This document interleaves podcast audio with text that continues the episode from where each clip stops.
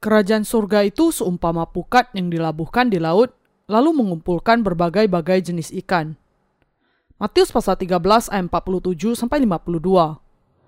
Demikian pula hal kerajaan surga itu seumpama pukat yang dilabuhkan di laut, lalu mengumpulkan berbagai-bagai jenis ikan. Setelah penuh, pukat itu pun diseret orang ke pantai.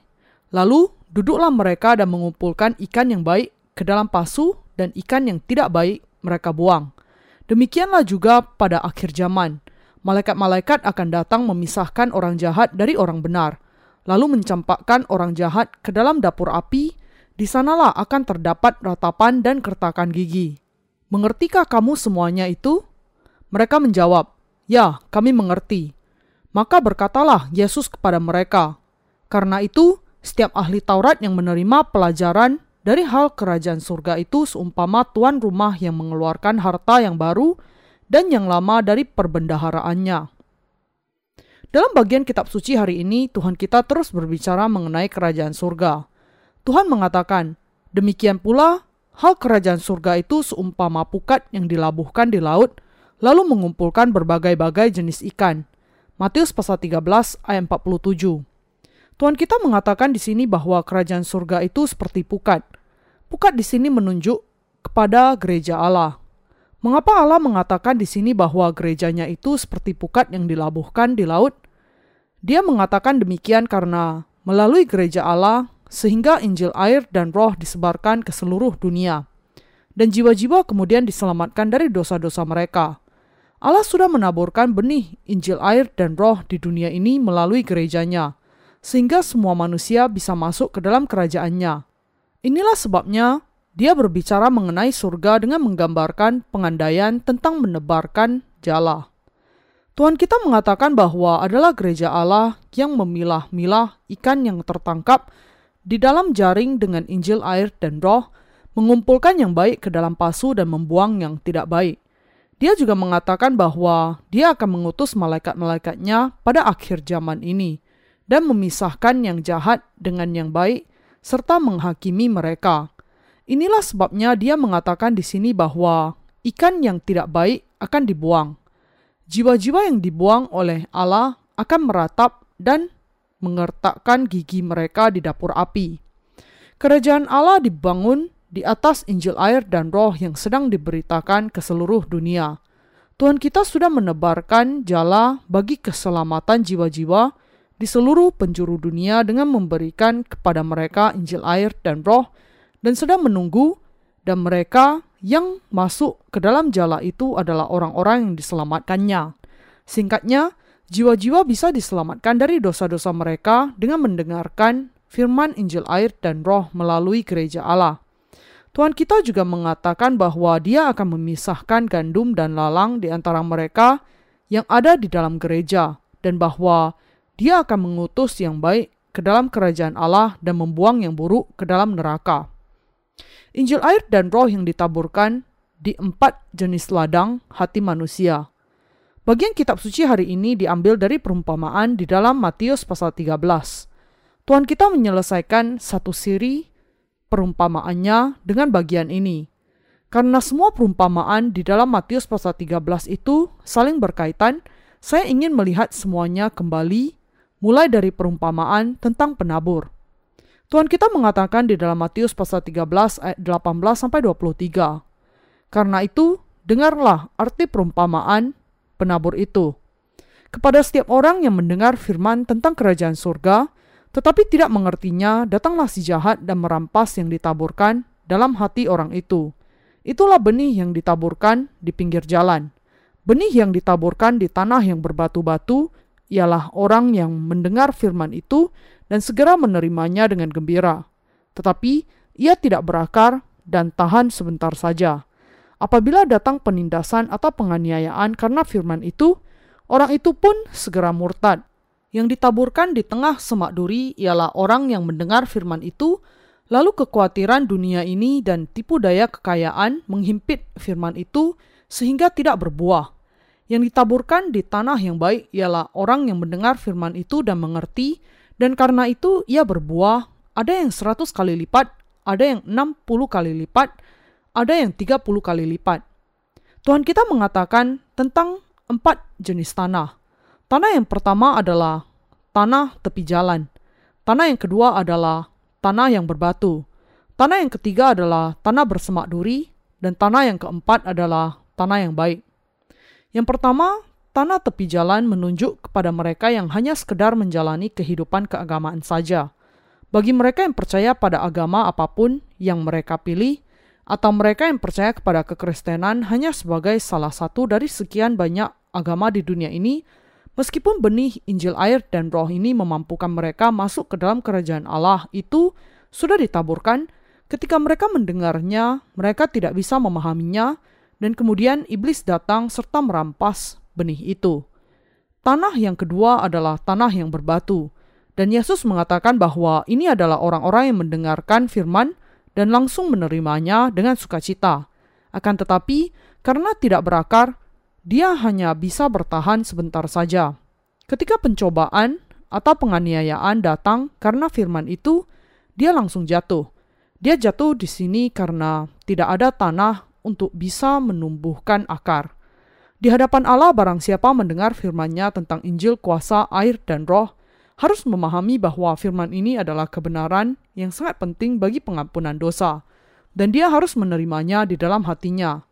Namun bahkan jika seseorang menerima Injil yang sejati ini, ada kemungkinan bahwa dia tidak memiliki akar dan kemudian akhirnya mati. Ini berarti bahwa hatinya tidak sepenuhnya percaya kepada firman Allah. Apakah yang dimaksud akar di sini? Tidak lain adalah firman Allah itu, untuk menjelaskan kepada kita tentang Injil air dan roh, Allah terlebih dahulu berbicara mengenai dosa-dosa kita, dan dia juga berbicara mengenai penghukuman atas dosa. Namun, beberapa orang sama sekali tidak mau percaya kepada firman ini, ketika dalam kenyataannya mereka harus percaya di dalam hati mereka. Kita harus memahami bahwa semua firman yang dikatakan Allah dikatakan kepada kita, dan setiap kali kita mendengar firman ini dan mendengar kepada apa yang dikatakannya kepada kita, kita harus berpegang dengan iman serta percaya kepada hal itu.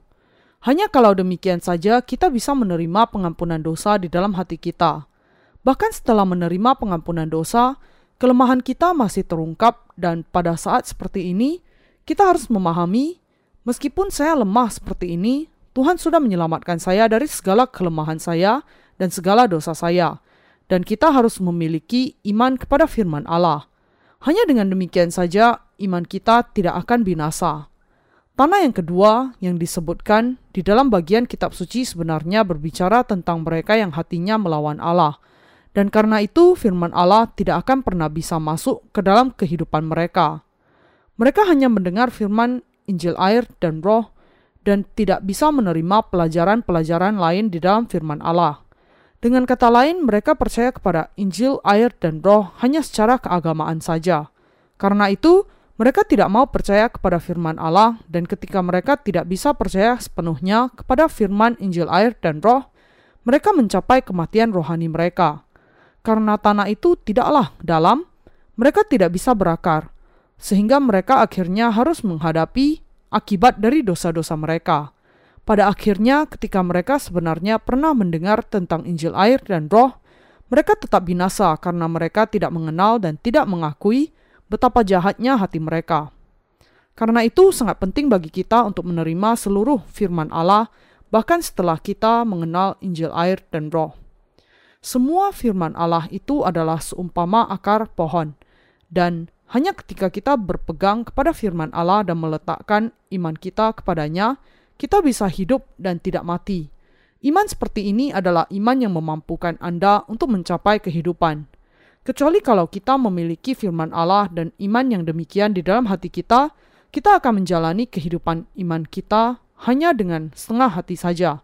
Dan pada akhirnya, kita hanya akan menjadi orang-orang yang sekedar beragama saja dan binasa.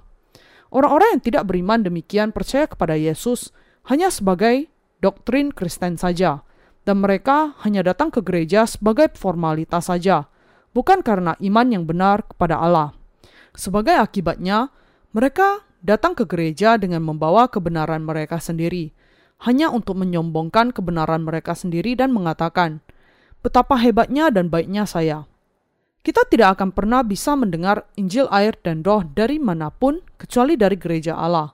Tetapi kita harus ingat bahwa kalau kita tidak memiliki iman yang benar, meskipun kita sudah datang ke gereja yang memberitakan Injil air dan roh, kita pasti tetap akan binasa. Oleh karena itu, kita harus merenungkan dan percaya kepada firman yang kita dengar melalui gereja Allah. Kebenaran Injil air dan roh sepenuhnya berbeda dari doktrin lainnya di dalam kekristenan zaman ini.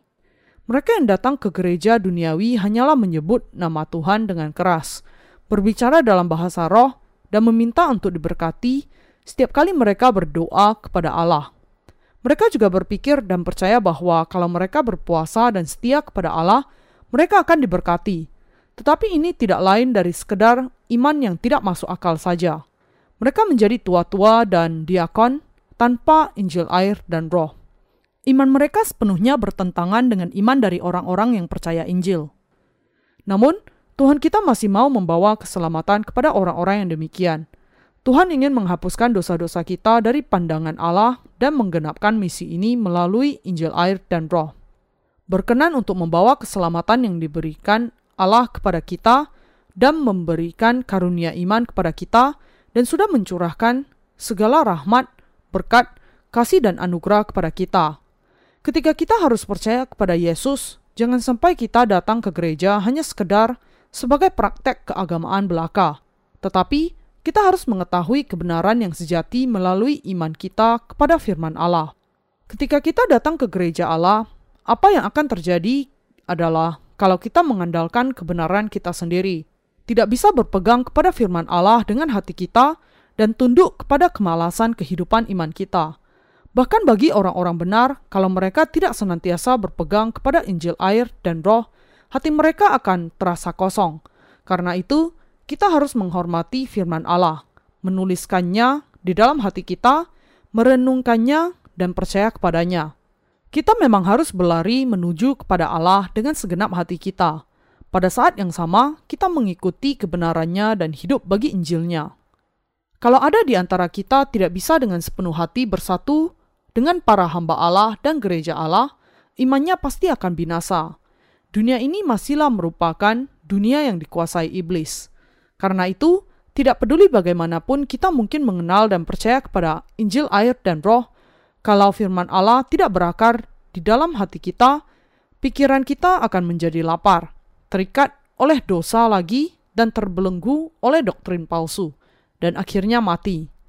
Iman kita tidak boleh menjadi tanah pinggir jalan yang pertama, atau tanah berbatu yang kedua, atau tanah bersemak duri yang ketiga. Tanah yang ketiga adalah tanah yang bersemak duri, yang ditaburkan di tengah semak duri ialah orang yang mendengar firman itu, lalu kekhawatiran dunia ini dan tipu daya kekayaan menghimpit firman itu sehingga tidak berbuah. Kalau orang mendengarkan firman Allah tetapi dia terkena tipu daya kekhawatiran dunia dan dusta kekayaan, akan bisa dipastikan bahwa dia tidak akan bisa menghasilkan buah. Kalau hati seseorang hanya tertuju pada hal-hal yang ada di dunia ini, seperti harta benda, ketenaran, lawan jenis, atau kekuasaan, maka dia pada akhirnya akan berubah menjadi lalang belaka menerima pengampunan dosa dengan percaya kepada Injil air dan roh, dan dengan demikian memiliki iman yang bisa membawa kita masuk ke dalam kerajaan Allah, bukanlah sesuatu yang sepele yang bisa ditinggalkan jika ada cobaan. Di antara keempat jenis tanah di dalam perumpamaan penabur itu, ketiga jenis tanah ini tidak akan bisa menghasilkan buah. Karena itu, kita harus berpikir mengenai anugerah keselamatan yang sudah dicurahkan Allah kepada kita dan bersyukur kepadanya akan hal itu. Dan memang sangat benar bagi kita untuk melayani Tuhan karena hal ini, dan bersekutu dengan Dia karena hal ini. Kalau di sisi lain kita hanya memperhatikan hal-hal materi saja, hanya bertanya tentang bagaimana kita bisa hidup baik di dunia ini dan bagaimana kita bisa mendapatkan kesenangan, maka pada akhirnya iman kita akan binasa. Meskipun kita sudah mendengar dan untuk sementara waktu percaya kepada firman Injil air dan roh. Kita juga tentu saja sangat tertarik kepada dunia dan hal-hal materi, bahkan meskipun kita sudah percaya kepada Injil air dan roh. Namun itu bukan segala-galanya untuk kita. Memang sangat benar bahwa kita tidak sepenuhnya bebas dari ketertarikan akan keindahan dunia ini, dan bahwa kita berada di dunia ini, di dalam hati ada Dia yang lebih berharga dari semua perkara tersebut. Dia adalah Tuhan kita yang memberikan kepada kita pemberian semua berkat kita, berkat kehidupan kekal, berkat pengampunan dosa, dan berkat kehidupan rohani. Dia membuat kita bertumbuh baik secara jasmani maupun secara rohani dengan berkat-berkat yang melimpah ini. Karena itu, sangat layak bagi kita untuk semakin mengasihi Allah ini. Meskipun kita penuh kelemahan, Injil air dan roh sudah mengampuni segala dosa kita. Dan karena itu, sangat masuk akal kalau hati kita kemudian bersyukur kepada Allah. Tuhan berkata bahwa ketika kita senantiasa memelihara Injil air dan roh di dalam hati kita, berpegang kepadanya dan percaya kepada firman Allah juga, serta mengikuti Tuhan kita, kita akan menjadi lebih dari mampu untuk masuk ke dalam kerajaan Allah.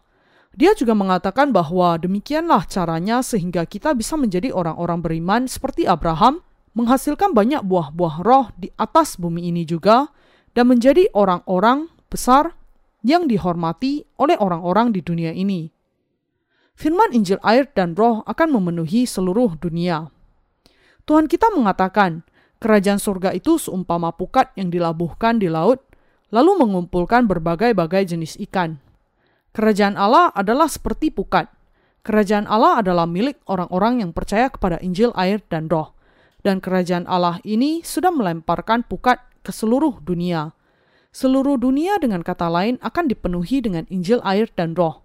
Dan Tuhan sudah memampukan semua manusia untuk mengenal tentang hal itu. Dia sudah membuat mustahil bagi semua manusia untuk bisa lepas dari pukat itu, Injil, air, dan roh. Banyak orang sudah mendengar Injil, air, dan roh, baik secara sepintas dari teman-teman, orang tua, atau anak-anak, melalui buku-buku, ataupun dari cara apa pun yang lain. Dan Tuhan mengatakan bahwa dia akan datang dan melihat ikan yang tertangkap di dalam pukat itu, dan mengumpulkan yang baik ke dalam perahu dan membuang yang tidak baik. Dan Tuhan mengatakan, malaikat-malaikat akan datang memisahkan orang jahat dari orang benar, lalu mencampakkan orang jahat ke dalam dapur api, di sanalah akan terdapat ratapan dan kertakan gigi. Tuhan mengatakan di sini bahwa kerajaan Allah adalah seperti milik orang-orang yang percaya kepada Injil, air, dan roh, dan bahwa orang-orang yang percaya kepada Injil yang benar inilah yang akan menjadi murid-murid Yesus Kristus dan memberitakan Injil ke seluruh dunia. Tanggapan dari orang-orang yang mendengar Injil ini akan berbeda-beda. Beberapa orang percaya masuk ke dalam pukat, yang lainnya lepas dan menolak untuk mendengar.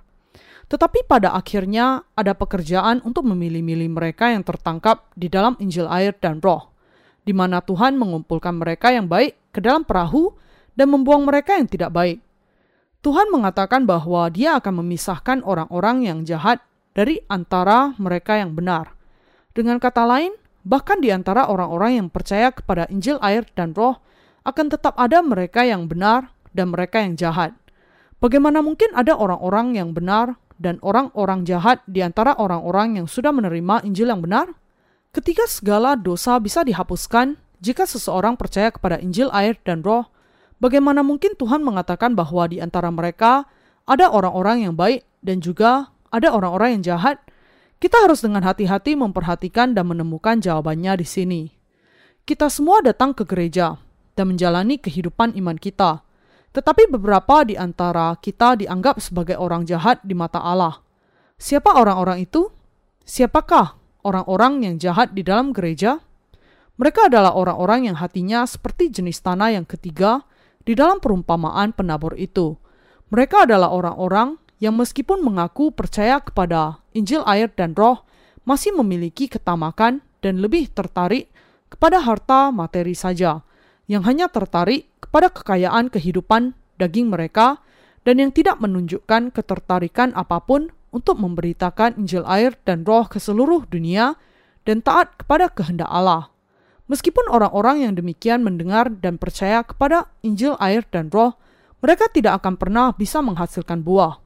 Di dalam pandangan Tuhan, mereka adalah orang-orang jahat karena mereka tidak bisa menyatukan hati mereka dengan pekerjaannya melalui iman. Tuhan kita mengatakan bahwa Dia tidak hanya memandang penampilan luar saja, tetapi hati kita. Apakah kita percaya kepada Allah dengan segenap hati kita, bersekutu dengan gereja di dalam hati kita, dan bersama-sama memberitakan Injil air dan Roh ke seluruh dunia dengan hati kita? Inilah yang dipandang oleh Tuhan kita. Ketika Yesus mengatakan bahwa ikan yang masuk ke dalam pukat akan dipisahkan antara yang baik dengan yang tidak baik, yang dimaksudkannya adalah bahwa di antara orang-orang yang datang ke gereja Allah yang memberitakan Injil air dan roh, orang-orang benar dan orang-orang yang jahat akan dipisahkan. Mereka lah yang akan termasuk golongan gandum dan lalang. Inilah yang dikatakan oleh Tuhan kita pada akhirnya.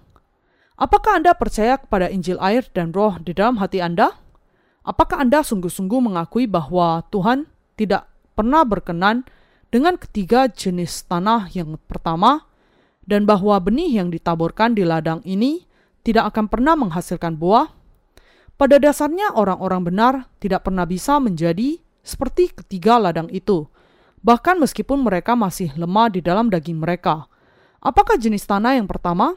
Bukankah itu tanah di tepi jalan? Kita orang-orang benar tidak bisa percaya kepada Yesus dengan cara yang sama dengan mereka yang memiliki iman keagamaan belaka. Apakah kita mengikuti kekristenan seolah-olah mengikuti salah satu agama dunia saja seperti Buddha, Konghucu, Tao, atau Hindu? Kita tidak bisa melakukan demikian. Tuhan kita adalah Kristus dan anak Allah yang hidup. Yesus Kristus menciptakan seluruh alam semesta, menciptakan Anda dan saya, dan untuk membebaskan kita dari segala dosa kita, dia datang ke bumi ini dibaptiskan oleh Yohanes Pembaptis, mati di atas kayu salib, dan bangkit kembali dari kematian. Demikianlah, Tuhan kita sudah menyelamatkan kita sekaligus dan sudah menjadi juru selamat kita yang kekal.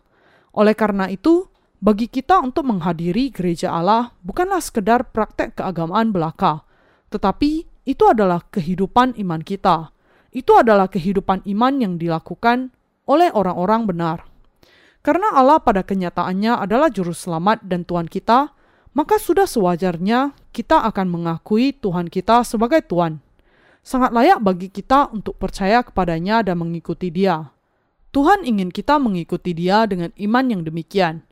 Ketika kita percaya kepada Injil air dan roh dan mengikuti Tuhan, ada kalanya kita menghadapi pencobaan atau penganiayaan karena iman kita kepada firman. Ada tertulis, memang setiap orang yang mau hidup beribadah di dalam Kristus Yesus akan menderita aniaya. 2 Timotius pasal 3 ayat 12. Karena itu kita bisa mengikuti Tuhan hanya ketika kita menyangkal diri kita. Apakah artinya menyangkal diri? Artinya menyangkali hawa nafsu kedagingan kita. Apakah benar kalau kita hanya memikirkan diri kita sendiri? Tidak. Kita mungkin bukan pelawan nasional, tetapi kita harus mengorbankan kehidupan kita untuk karya kebenaran. Mengapa orang-orang mengingat dan menghormati pahlawan nasional yang sudah lama meninggal? Karena mereka melaksanakan tanggung jawabnya bagi kepentingan bangsa dan rakyat mereka. Mereka berperang bagi negara mereka dengan resiko kehilangan nyawa mereka. Mereka melakukan apa yang mereka lakukan bagi negara dan rakyatnya, meskipun mereka tahu dengan pasti bahwa mereka akan ditangkap disiksa, dan bahkan dibunuh. Inilah sebabnya kita mengingat mereka sebagai orang-orang berani yang melakukan apa yang benar. Dengan percaya kepada Injil air dan roh, kita sudah menerima pengampunan dosa-dosa kita. Karena Tuhan sendiri sudah menghapuskan segala dosa kita melalui kuasa Injil air dan roh, kita sekarang sudah menjadi orang-orang yang tidak memiliki dosa melalui iman. Karena Tuhan sudah menyelamatkan kita dari segala dosa kita dengan menanggung segala dosa dunia, dihukum untuk mereka dan bangkit kembali dari kematian, kalau kita percaya kepada Injil ini dan datang ke gerejanya, maka ketika kita melayani dan mengikuti pekerjaan benar Allah, artinya kita menjadi ikan yang baik. Tentu saja, hal itu membutuhkan pengorbanan kita di segala bidang kehidupan pribadi kita. Namun, kalau seseorang tidak mau menyatukan hatinya dengan orang-orang yang melayani Allah dan Injil, dan bahkan menolak serta membelakanginya, Allah akan meninggalkannya. Tidak peduli bagaimanapun tekunnya, dia mengaku untuk percaya kepada Injil, air, dan roh. Ini adalah karena dia termasuk dalam golongan ikan yang tidak baik, orang yang jahat. Tuhan menjadi pengganti bagi kita semua. Dengan memberikan Injil air dan roh kepada kita, Tuhan sudah menyelamatkan kita dari segala dosa kita. Tuhan kita mengasihi kita, memberikan kepada kita semua karunia-Nya yang baik, dan berkorban bagi kita demi menjadikan kita bahagia. Tuhan mengasihi kita dan masih tetap mengasihi kita sampai saat ini, dan mau terus mengasihi kita, dan Dia berkehendak agar kita hidup bahagia selamanya. Dia hanya meminta kepada kita, "Maukah engkau menjadi tangan, mata, dan kaki bagiku untuk memberitakan Injil kepada orang-orang lain ketika engkau masih ada di atas bumi ini?" Bagaimana mungkin kita tidak mau bersekutu dengan Tuhan? Namun, ada orang-orang yang menjawab permintaan itu dengan mengatakan demikian. Aku tidak mau. Apakah engkau menganggap aku bodoh? Aku tahu segala sesuatu tentang hal itu. Baik, aku percaya kepada Injil air dan roh. Aku sudah tidak memiliki dosa, bukan? Kalau demikian, maka hal itu cukup. Mengapa engkau meminta agar aku memberikan segala sesuatu dan hidup hanya bagi Injil? Apakah engkau berpikir bahwa aku bodoh? Mengapa engkau terus-menerus mengganggu aku seperti ini? Berhenti. Manusia modern akan mengejar kebebasan. Jadi, janganlah melakukan hal ini. Aku bersyukur bahwa engkau memberikan pengampunan dosa kepadaku. Tetapi, jangan berharap bahwa aku akan melakukan hal yang lain. Semuanya sudah cukup. Rekan seiman yang terkasih, memiliki hati yang demikian dan melakukan hal yang demikian adalah jenis iman yang melawan Allah. Ini adalah iman orang jahat yang mengkhianati Allah. Kalau kita sungguh-sungguh percaya kepada Injil air dan roh di dalam hati kita, maka meskipun kita mungkin menyukai hal-hal kedagingan dan tidak ingin diganggu dari kesukaan menikmati kehidupan pribadi kita, kita tidak akan pernah bisa melakukan semua yang kita inginkan karena sikap keras kepala kita. Mengapa? Karena kasih yang sudah kita terima sangatlah besar dan keselamatan yang diberikan oleh Tuhan kita begitu luar biasa sekali. Kita tidak akan bisa melakukan hal yang demikian. Tidak peduli betapapun jahatnya dan tidak berharganya kita, sekali kita mengenal kasih karunia Allah, kita tidak akan pernah bisa melakukan hal yang demikian. Kalau seseorang tidak mengingat kasih karunia yang sudah dicurahkan kepadanya, maka sangat layak kalau dikatakan bahwa dia lebih hina daripada anjing.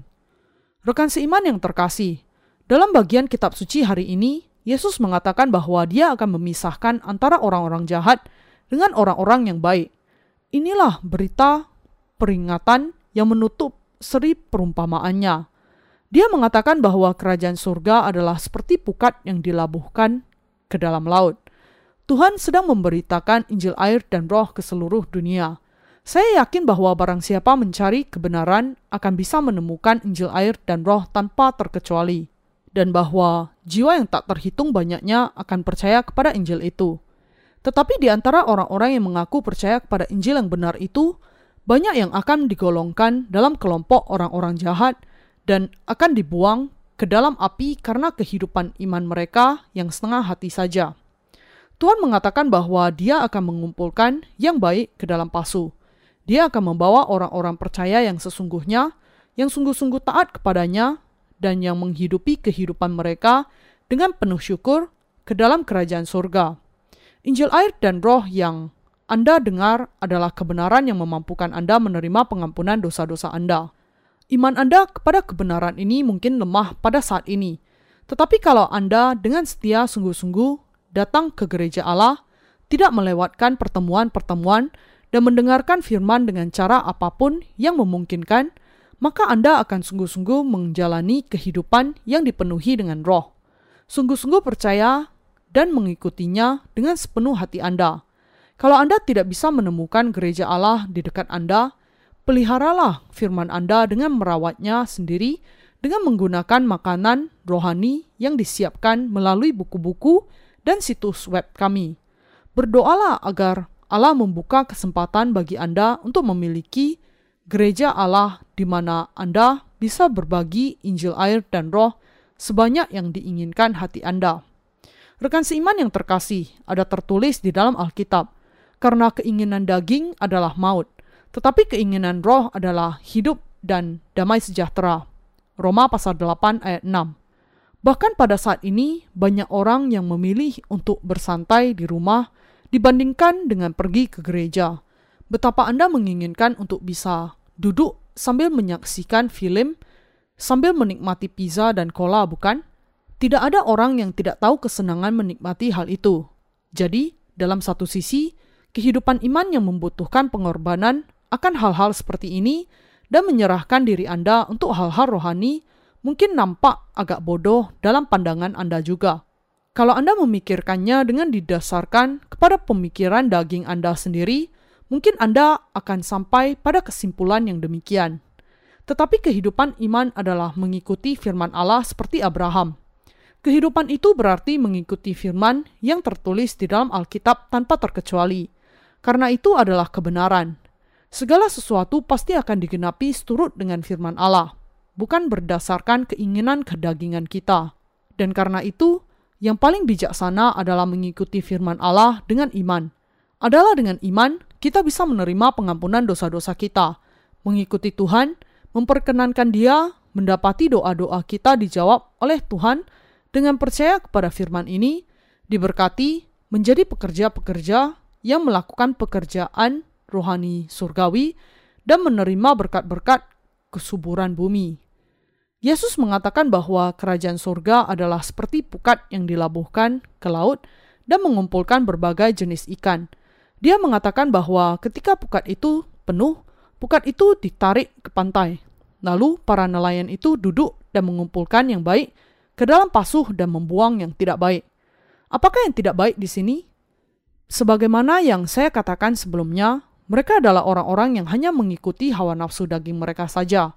Ikan yang tidak baik adalah mereka yang tidak secara tulus percaya kepada Injil air dan roh dengan segenap hati mereka, dan hanya percaya dengan setengah hati untuk memuaskan hati nurani mereka saja. Hanya mengikuti kesenangan daging mereka, hanya mencari hal-hal duniawi saja, dan menjalani kehidupan mereka hanya untuk tujuan yang demikian saja. Di seluruh dunia ini, Allah sudah menaburkan jalah yang bernama Injil air dan roh dan menantikan ikan untuk ditangkap ke dalam jala itu. Dengan kata lain, bisa dikatakan, dia menghendaki agar semua orang menerima pengampunan dosa dengan mendengar serta percaya kepada Injil air dan roh. Inilah sebabnya Allah bekerja, tetapi di antara orang-orang yang mengaku percaya kepada hal ini, ada yang masih berada di luar iman yang sebenarnya. Mereka pasti akan dihakimi, Bahkan di antara orang-orang yang mengaku percaya, dengan kata lain, ada beberapa yang akan dibuang seperti ini. Adalah benar bahwa kita tidak sempurna, lemah, duniawi, dan gampang tergoda mengikuti hal-hal duniawi. Ini karena kita masih ada di dalam daging. Meskipun ini benar, masih ada orang-orang yang mendedikasikan dirinya untuk karya kebenaran Allah. Adalah benar bahwa Allah kita sudah memberikan kepada kita firman kebenaran ke dunia ini dan adalah benar juga bahwa kita sesudah menerima pengampunan dosa haruslah hidup beriman dengan percaya kepada firman Allah dan mengikutinya. Adalah dengan iman sehingga kita bisa melakukan pekerjaan kebenaran. Kita harus menghidupi kehidupan iman dengan memandang kepada firman yang tertulis, menuliskannya di dalam hati kita dan berpegang kepadanya. Karena engkau mengatakan bahwa engkau mau melakukan hal ini, saya percaya bahwa engkau pasti akan melakukannya tanpa terkecuali.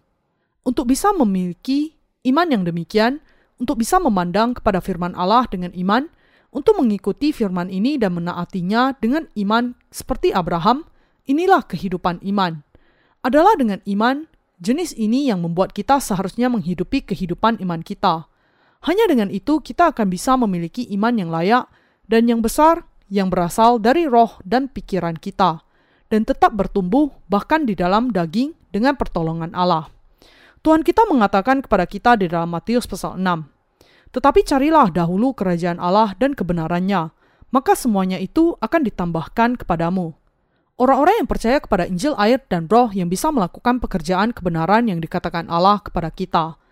Ketika kita menerima Injil yang dipercayakan Allah di dalam hati kita, dan kemudian melayani serta mengikuti, meskipun kita memiliki kelemahan, maka Allah akan menambahkan semakin banyak berkat untuk roh dan tubuh kita, untuk sepanjang kehidupan kita.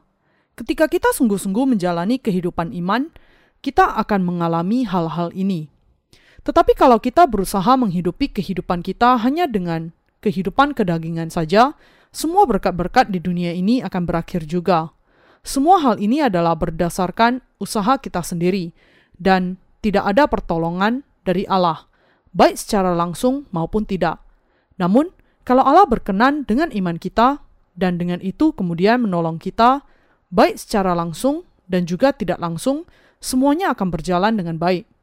Tetapi carilah dahulu kerajaan Allah dan kebenarannya, maka semuanya itu akan ditambahkan kepadamu. Tuhan mengatakan, kalau engkau sungguh-sungguh percaya kepada Injil air dan roh dengan hatimu, maka terlebih dahulu pikirkanlah perkembangan kerajaan Allah di seluruh dunia.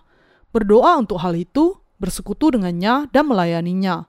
Aku kemudian akan menolong engkau dalam setiap langkah di sepanjang kehidupanmu. Kalau engkau melayani aku, aku akan memberkatimu juga. Yesus mengatakan, segala sesuatu yang kamu kehendaki supaya orang perbuat kepadamu, perbuatlah demikian juga kepada mereka. Itulah isi seluruh hukum Taurat dan kitab para nabi. Kalau Anda sungguh-sungguh mau dikasihi dan diberkati oleh Allah, maka yang harus Anda lakukan adalah sungguh-sungguh percaya dengan segenap hati Anda dan mengikutinya dengan segenap hati Anda. Kalau Anda melakukan apa saja yang berkenan kepada Tuhan dengan hati Anda, dengan kata lain, seluruh kehendak Anda juga akan diperhatikan olehnya. Inilah janji Allah. Inilah sebabnya cara dan metode manusia tidak diperlukan di hadapan Allah. Betapa bodohnya kalau kita mengandalkan rancangan otak kita dan rencana pikiran kita ketika IQ kita bahkan tidak mencapai 4 digit. Di hadapan Allah, tipu daya manusia tidak ada artinya daripada mencoba untuk berusaha melakukan semuanya sesuai dengan pikiran kita yang dangkal, kita harus percaya kepada firman Allah dan mengikutinya dengan iman. Kalau para hamba Allah memberitakan firman-Nya sebagaimana adanya, kita harus mengikutinya dengan iman. Allah bekerja di dalam kehidupan kita ketika kita sungguh-sungguh mempercayainya dan mengikuti firman-Nya.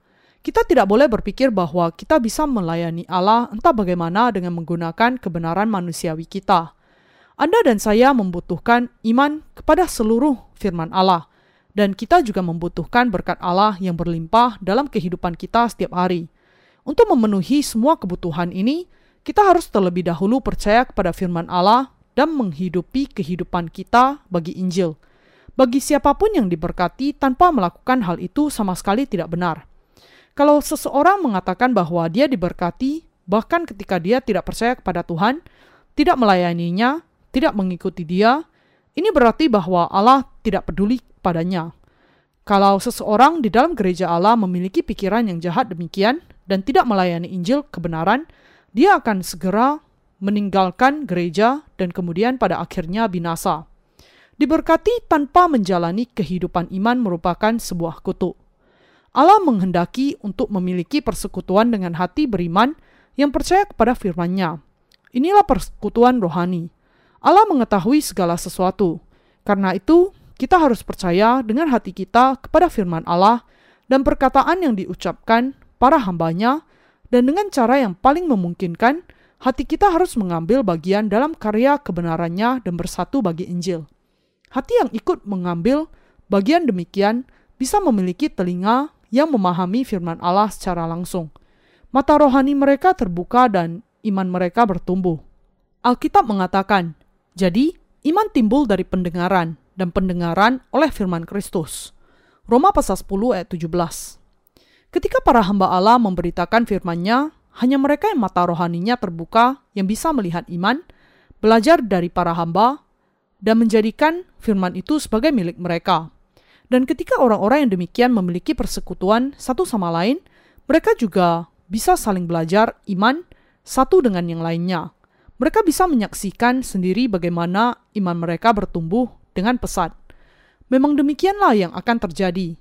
Setelah saya menjalani kehidupan iman saya dan berjalan dengan Tuhan sampai hari ini, saya benar-benar bersyukur atas waktu-waktu di mana saya merasakan kehadiran Tuhan dan memiliki persekutuan dengan Dia. Untuk menceritakan hal itu akan membutuhkan lebih dari sekedar buku ini. Memang, volume demi volume buku masih tetap tidak akan cukup. Jadi, saya terlebih dahulu menjelaskan kepada Anda tentang apa yang dikatakan Alkitab pada tingkat tafsiran. Sekarang, saya mau mengakhiri khotbah ini dengan menyimpulkan tentang bagaimana caranya kita harus menjalani kehidupan iman kita. Apa yang sebenarnya menjadi peringatan dari firman itu kepada kita dan apa yang harus kita yakini? Kerajaan surga adalah kerajaan Allah. Pukat adalah Injil, air, dan roh yang sedang disebarkan oleh gereja Allah. Ikan itu melambangkan manusia. Mereka yang percaya kepada Injil yang benar dengan hati mereka adalah ikan-ikan yang baik, yaitu orang-orang benar. Tetapi mereka yang tidak mau percaya dengan hati mereka dan hanya mau percaya untuk sementara saja, meninggalkan firman Allah serta mengikuti hawa nafsu serta pemikiran kedagingan mereka sendiri adalah ikan-ikan yang tidak baik. Yang satu akan diterima dan masuk ke dalam kerajaan surga, sedangkan yang satunya akan dibuang. Yesus mengatakan bahwa inilah yang akan terjadi ketika akhir zaman tiba. Hal ini memang akan menjadi kenyataan, Ketika kita tiba di akhir kehidupan pribadi kita, kita juga akan mengalami penghakiman ini. Semua manusia yang hidup di atas bumi ini akan menghadap tahta pengadilan Allah paling tidak satu kali. Allah mengatakan bahwa Dia akan membinasakan dunia ini dan membangun dunia yang akan datang. Dahulu ada masanya ketika dinosaurus berkeliapan di bumi, tetapi suatu hari dunia itu tiba-tiba saja lenyap, dan suatu dunia yang baru dimulai. Demikian juga, Tuhan akan membuka dunia baru yang lain di masa yang akan datang. Melalui firman-Nya yang tertulis, Tuhan kita berbicara mengenai kerajaan seribu tahun dan kerajaan Allah yang akan datang. Rekan seiman yang terkasih, Alkitab tidak hanya mengatakan mengenai Injil air dan roh. Ada banyak tema lain yang dijelaskan juga di dalam Alkitab. Adalah karena Injil air dan roh sajalah yang menjadi kunci untuk membuka pintu gerbang kerajaan Allah, sehingga para pengkhotbah harus senantiasa dan tiada hentinya memberitakan firman Injil air dan roh ini. Ada banyak pokok yang dijelaskan di dalam firman Allah kepada Anda. Tetapi kalau saya harus menjelaskan semuanya sekaligus, apakah iman Anda akan bertunas dan bertumbuh? Sangat pantas bagi saya untuk mengajarkan dalam ukuran yang tepat sehingga Anda semua bisa mencapai pemahaman yang baik. Anda orang-orang kudus yang percaya kepada Injil, air, dan roh akan dianiaya, diejek, dan dihina oleh manusia karena iman ini. Tetapi kalau Anda sungguh-sungguh percaya, Anda akan mengesampingkan semua hinaan dan penganiayaan itu seperti sekedar anjing yang menggonggong saja. Dan kemudian, masalah-masalah yang harus Anda hadapi bagi kebenaran Allah akan berubah menjadi sukacita bagi Anda. Kalau Anda tidak berpikir demikian, maka Anda tidak sedang berpegang kepada firman Allah. Kalau seseorang tidak menyerahkan dirinya bagi pekerjaan kebenaran, kalau dia meletakkan dirinya sendiri lebih dahulu dibandingkan dengan pekerjaan Allah, dan kalau dia takut akan apa yang dipikirkan orang tentang dia, maka dia tidak percaya kepada firman Allah. Namun, dia percaya kepada apa yang disebut sebagai organisasi Kristen. Jelas sekali bahwa orang-orang yang demikian termasuk dalam kelompok ikan yang tidak baik dan pasti akan dibuang oleh Allah. Kalau kita percaya kepada Injil, air, dan roh dengan segenap hati dan mengikutinya dengan sepenuh hati, dan kalau kita terlebih dahulu mencari kerajaan Allah dan kebenarannya, meski kita memiliki kelemahan, maka kita tidak akan pernah menjadi ikan yang tidak baik. Namun, kalau kita tidak bisa percaya dan mengikuti Injil dengan hati kita, dan justru berpikir mengenai kehidupan iman di dalam gerejanya hanya sebagai cara untuk menjalani kehidupan kedagingan kita, maka ketika akhir zaman tiba, Allah akan memperlakukan kita sebagai ikan yang tidak baik. Saya khawatir bahwa Anda mungkin akan berakhir seperti salah satu dari orang-orang itu. Saya ingin agar Anda, dengan kata lain, memiliki iman dan hidup bagi Injil Allah. Hanya iman yang sejati sajalah yang diterima oleh Allah. Kalau kita sungguh-sungguh percaya dengan sepenuh hati kita, maka cepat atau lambat kita akan bertumbuh menjadi orang Kristen yang setia. Meskipun daging Anda mungkin sangat tidak sempurna, saya tetap mendorong Anda untuk dilahirkan kembali dengan percaya kepada Injil air dan roh dari lubuk hati yang terdalam. Mengikuti Allah dan dituntun oleh gembala itu, serta mengikuti dia di dalam kehidupan Anda. Ketika Anda melakukan hal itu, firman Allah kemudian akan memenuhi hati Anda dan memampukan Anda untuk semakin bertumbuh meski Anda tidak menyadarinya, dan Anda akan menemukan bahwa Anda sudah menjadi manusia iman seperti Abraham. Adalah pengharapan dan doa saya agar semua hamba Allah, orang-orang kudus, dan para pekerja semuanya akan menjadi tanah yang baik, di antara empat jenis tanah hati adalah kerinduan saya bahwa Anda percaya dan mengikuti firman Allah dengan sepenuh hati Anda. Dan saya rindu bahwa Allah akan memberkati Anda yang mencari kehidupan yang rohani demikian dan semakin menambahkan iman atas iman Anda.